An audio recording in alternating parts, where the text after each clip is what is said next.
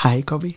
Hey, Shani. How are you? I'm great. How are you? Great, great. I'm looking forward for today's conversation because I know we're going to talk about something that a lot of DevOps people should know and maybe they do know, but they don't know exactly why they should use it and also where to learn about it and what's important to know. I know you've got all the answers. Yeah. Yeah. So can we start? Sure. Today we will talk about how to boost productivity uh, with the dynamic environments in Kubernetes. So this topic is related to like all DevOps companies, all dev all companies that have DevOps culture inside of them and uses DevOps practices. Basically, the end client of the DevOps teams in this case is the developers, and the main goal of this let's say phase is to like boost the productivity of the developers team to reduce the dev cycle uh, time and duration uh, with dynamic isolated environments on top of kubernetes. So um, how can devops help developers? So let's start with the problem first. In companies that have devops how many times a day DevOps needs to address issues such as conflicts in testing environments, errors, issues during the development phase, or even getting the errors or the issues in very, very, very late stage of the development cycle.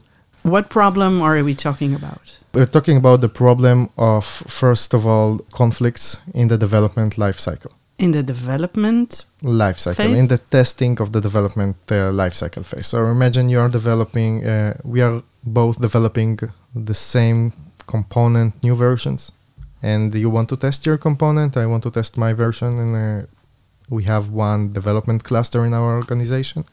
So what will happen in this case?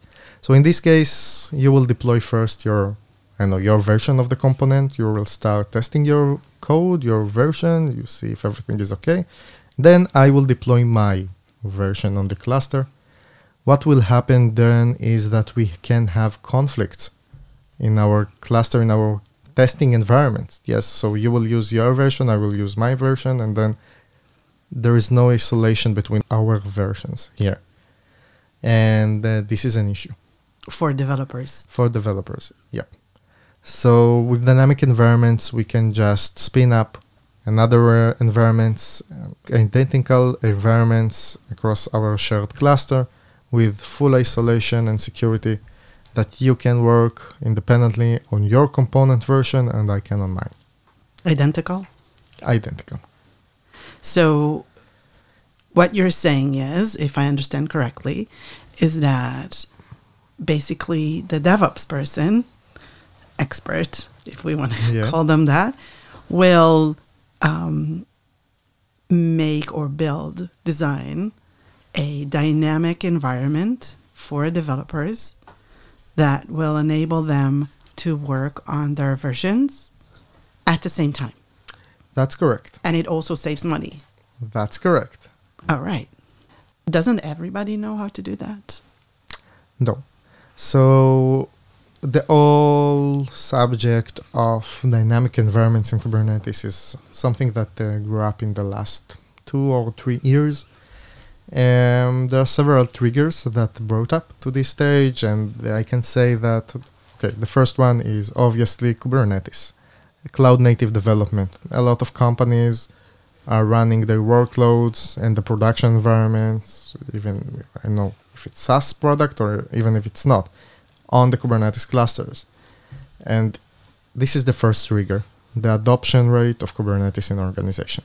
The second trigger is that a new practice came in the last two, three, four years, and this practice called GitOps, meaning that we are managing our infrastructure and deployment declaratives inside Git repositories in a source code management tool such as GitHub, GitLab, whatever and we treat our infrastructure and declarative deployments uh, manifest just the way we are uh, treating our source code of the application. And those two triggers led us to understanding that dynamic environments is achievable and the benefits of dynamic environments because we can easily create or recreate environments inside Kubernetes cluster. We can recreate entire clusters that are identical to each other with fully automated pipelines and fully automated jobs. Can our deployments to run different version of the components but in the same environments and all of those are achievable because of the adoption rate of Kubernetes and the adoption rate of the GitOps practices in the last few years. So why should DevOps person put the time and effort to learn how to design such dynamic environments? Let's say that uh, we have three reasons why.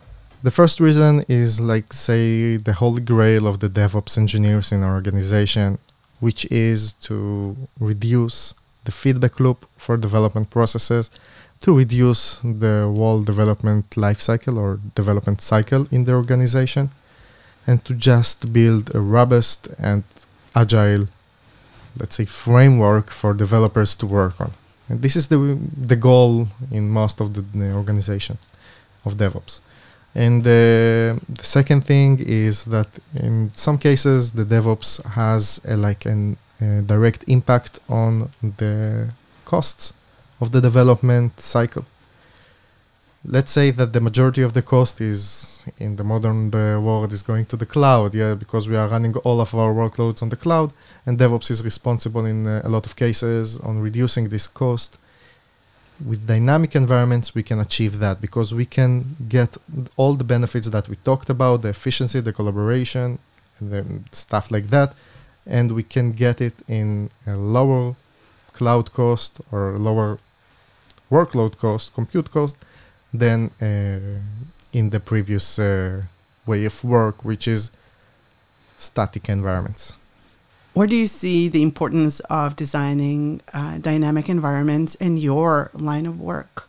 So we in Develeap we have several. Uh, we are a professional services company that providing DevOps services to uh, some dozens of clients and uh, the majority of the clients has uh, let's say the same technological stack which means uh, very popular cloud kubernetes cluster infrastructure as a code with terraform and in a lot of cases gitops with argo cd for example. So once a client has all of these capabilities already he is using those tools. So once the clients have those uh, tools in use. They just need to understand how to utilize them to achieve or to implement dynamic environments. And in this case, the clients want to uh, implement this because of the uh, benefits that we talked about earlier. And that's it.